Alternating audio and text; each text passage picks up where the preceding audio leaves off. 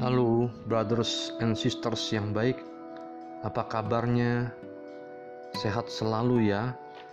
Saya mau sharing pengalaman iman saya Dengan judul Konsisten dan Persisten Oleh Willy Wibianto. Kalimat acuannya program pembaruan yang telah dijalankannya selama 25 tahun terus dilanjutkan. Ia berjuang keras memberantas berbagai praktik buruk di kalangan awam, kaisar dan raja-raja, dan di kalangan pejabat-pejabat gereja.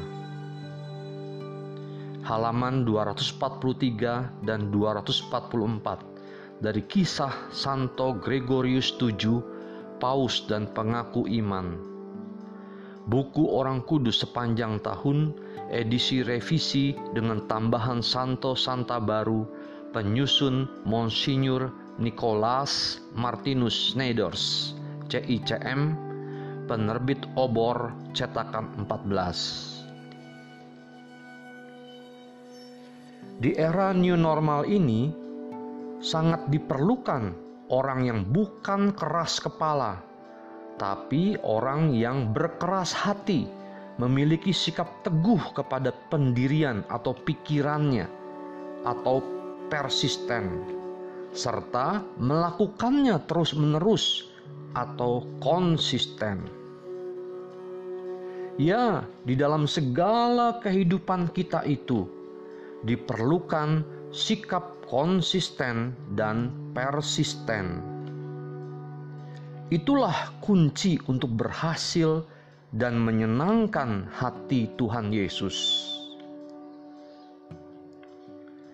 Santo Gregorius VII, paus dan pengaku iman yang hebat itu, sungguh unik storytellingnya, menarik hatiku ada empat halaman kisahnya dari buku Orang Kudus sepanjang tahun edisi revisi cetakan 14 itu.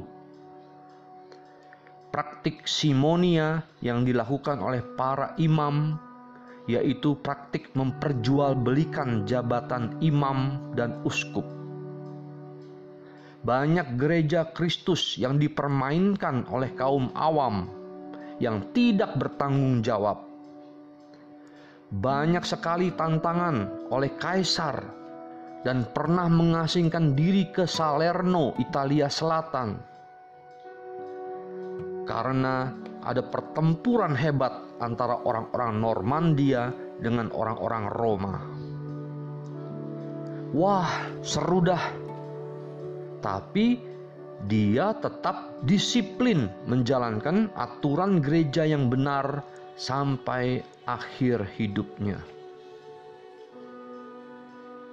Dalam bisnisku, aku pun memegang karunia Tuhan Yesus untuk tetap memiliki sikap konsisten dan persisten. Sikap yang tetap dan gigih.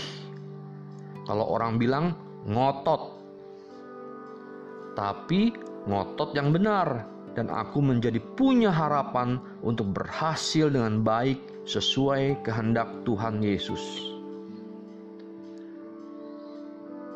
Tuhan Yesus, Engkau mengajak aku untuk berefleksi hidup yang konsisten dan persisten yang telah aku jalani ini agar tetap dijalankan sampai akhir hidupku dan terus selamanya.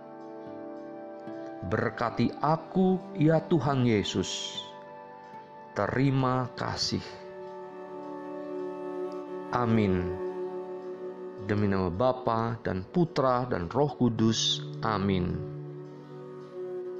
Demikianlah sharing iman saya.